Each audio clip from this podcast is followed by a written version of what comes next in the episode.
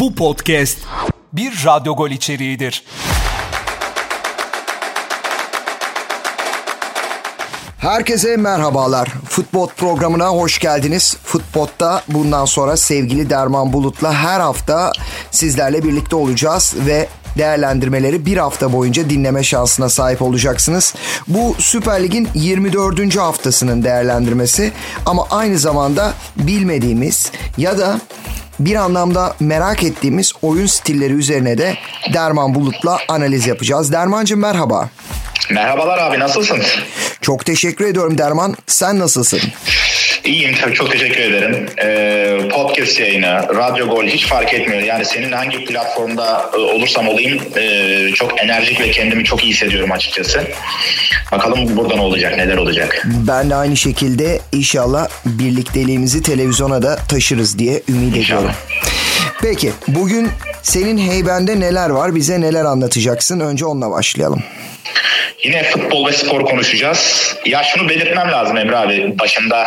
Şimdi e, akşam derslerine yazıyorlardı genelde üniversitedeki hocalar beni. Yüksek lisans döneminde özellikle. Sürekli sabah değil de akşam derslerine yazıyorlardı. Yani öğlen ve akşam vakitlerinde sabahlara göre daha enerjik oluyorum. Ve akşam olduğum dersler çok hareketli ve eğlenceli oluyordu. Hocalar için de aynı zamanda stresli geçiyordu.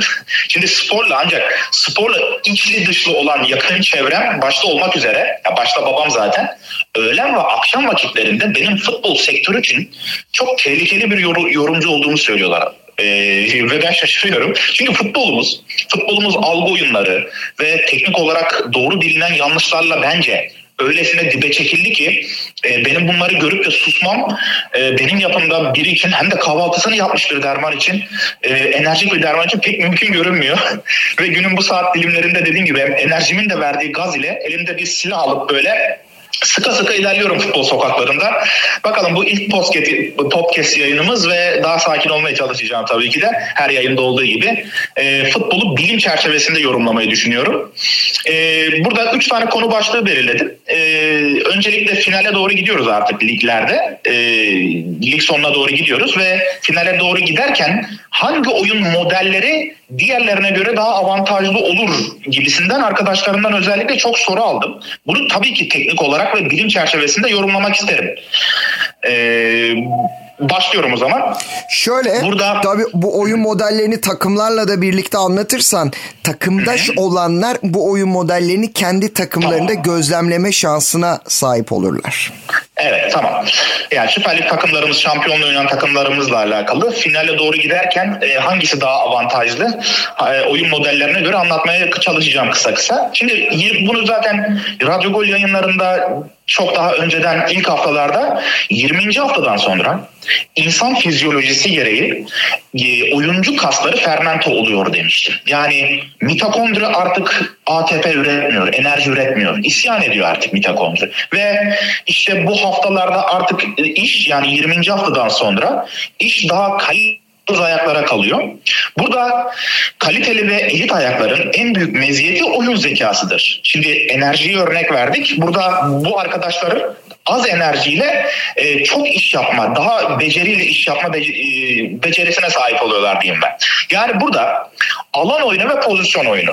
İşin teknik kısmı aslında burası. İki farklı oyun modellemesi vardır futbol literatüründe. Alan oyunu, pozisyon oyunu. Alan oyunları pozisyon oyunlarına göre daha ritimli oyun şekilleridir. Daha ritimli, daha tempolu. Bu da bu da demek oluyor ki e, alan oyunu oynayan bir takımdaki oyuncuların kas yapıları daha çok fermente oluyor. Yani daha çok yıpranıyor. Burada bu oyuncular fizik olarak daha çok yıpranıyorlar. E, alan oyunu oynayan Fenerbahçe ve Trabzonspor. Bu bağlamda bence dikkat etmesi gerekiyor. Yani ben dikkat etmesi gerektiğini zaten ilk haftalardan beri söylüyorum. 20. haftadan sonra. Şimdi Jorge Jesus Kerim Magic yani sihirli kare isminde e, tezi yazılmış bir oyun formatı kullanıyor. Burada Abdullah Avcı da sezona pozisyon oyunuyla başladı. E, tıpkı Sergen Yalçın'ın Beşiktaş'ta düştüğü hataya düştü. Şimdi Bu arada bir parantez açayım mı müsaade Evet. edersen? Ab-. Abdullah Avcı an itibariyle istifa etti. Evet çok flash bir haber oldu bu. Yani e, bu bağlamda yani benim e, onu bağlayayım o zaman ben istifasına. Şimdi Abdullah Avcı da dedim ya e, pozisyon oyunuyla başladığı sezonda tıpkı Sergen Yalçın'ın düştüğü hataya düştü. Yani Avrupa'da Avrupa'da oyunu daha reaktif yani Avrupa'da oyunun daha reaktif oynanması gerektiğini, Sergen ve Abdullah hocalarımızın sistemlerinde anlayış değişikliklerine gitmelerine sebep oldu bu durum. Çünkü Avrupa'da daha reaktif e, oynanması gerekiyor oyunlar. Yani burada ne oldu? Kötü sonuçlar geldi. Trabzonspor'un. Avrupa'da bu başaramama güdüsü işte Şampiyonlar Ligi yönelemesinden elenme vesaire bu başaramama güdüsü onda bir hırs e, olmasını sağladı e, diye düşünüyorum ben ve ısrar etti. Neden ısrar etti? Şimdi Avrupa'da başaramama güdüsü dedim ya onların alan oyunlarında Türkiye Ligi'nde de bu oyuna ısrar etmelerine sebep oldu. Yani Türkiye Ligi'nde de o Avrupa'daki kullandığı oyun modelin modeliyle ısrar etti. Abdullah Avcı tıpkı Sergen Yalçın gibi. Yani pozisyon oyunundan alan oyununa döndü. Burada alan oyunu diğer takımlara göre daha ritimli oynayan yani e, diğer takımlara göre daha ritimli oynayan Trabzonspor ve Fenerbahçe takımlarını 20. haftadan sonra düşüşe zorladı diye düşünüyorum ben. Yani 20. haftadan sonra bu iki takım düşmeye başladı. Yani oyuncu kasları ferment olmaya başladı ve iş oyun zekası yüksek isimlerin ayaklarına kaldı.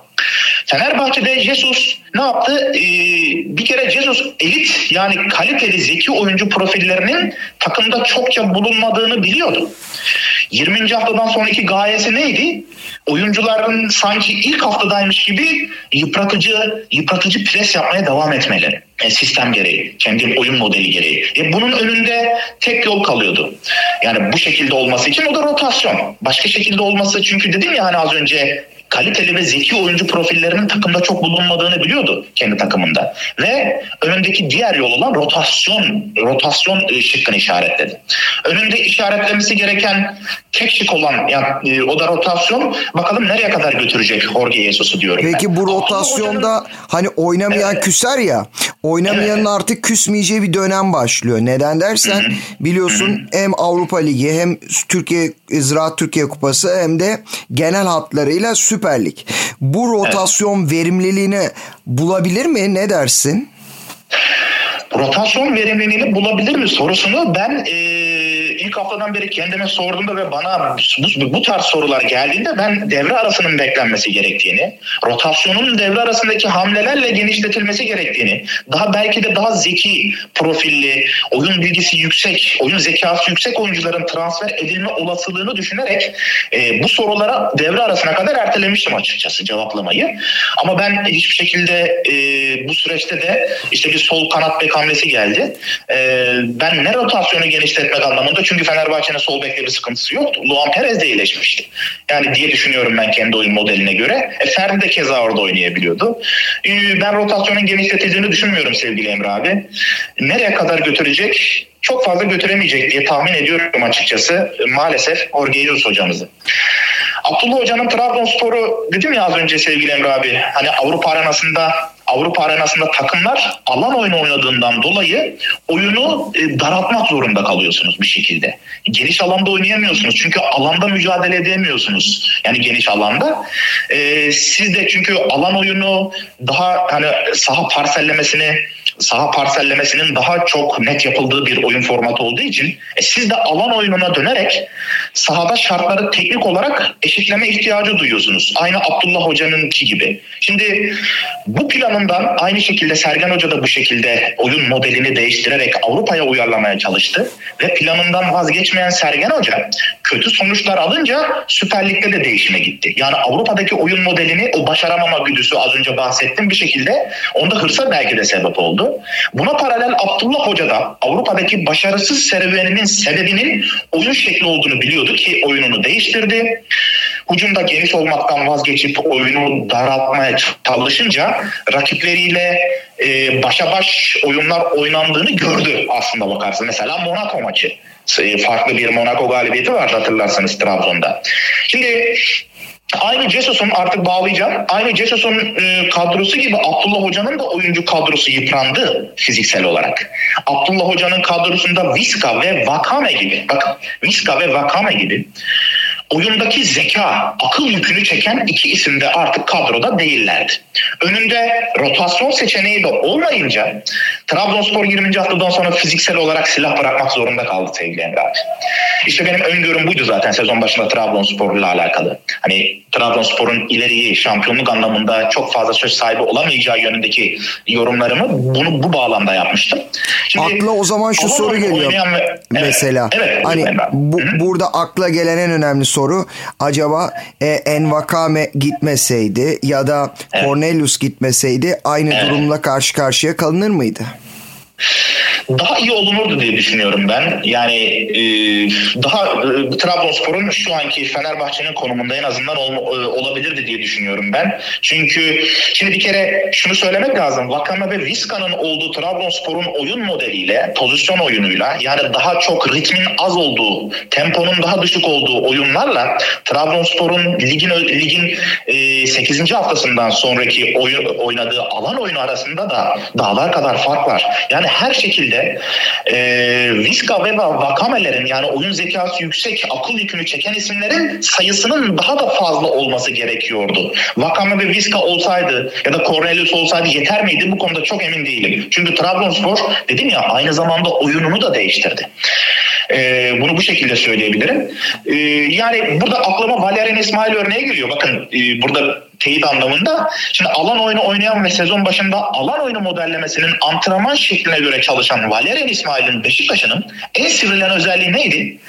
Fiziksel yapısıydı.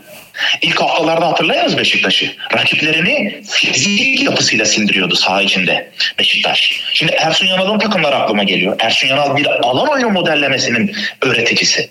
Ersun Yanal'ın takımları ilk yarının liderleri değil mi hep? Ee, çok tempolu başlarlar ama daha sonrasında oyuncu kaslarının ferment olmasıyla kırılırlar. İşte e, sebep bu. Sonrasında dediğim gibi e, Ersun Yanal Jorge Jesus, Valerian İsmail gibi sistem hocaları alan oyunu oynarlar. Alan oyunları da ritimli oyun şekilleridir diyerek bu kısmı bitireyim sevgili Emre abi. Evet. Avrupa demişken neden Avrupa Avrupa arenasında yoklar oynuyoruz biz? Teknik olarak sebebi nedir? Buna, çok bunu, soru geldi. Bunu haftaya konuşalım mı dilersen? Çünkü tamam, yaklaşık olur, olur. 10, ben 10, biliyorsun bakmayın. 12 dakika oldu. Normalde podcastleri tamam. 9 ile 11 dakika arasında yapıyoruz ama e, yine çok keyifli. Gelecek hafta içerisinde içerisinde neden Avrupa'da varız ya da yokuzu Avrupa'da evet. oynayacağımız ilk maçların ardından konuşursak çok daha keyifli olacak. Çünkü hem Fenerbahçe hem Sivas Spor hem de bildiğin gibi Başakşehir evet. sahaya çıkacaklar. Evet. Alan oyununu evet. Kerim Magic modelini mükemmel anlattın. Teşekkürler Derman Bulut. Ben teşekkür ederim sevgili Emre abi. Çok sağ ol. Çok teşekkür ederim.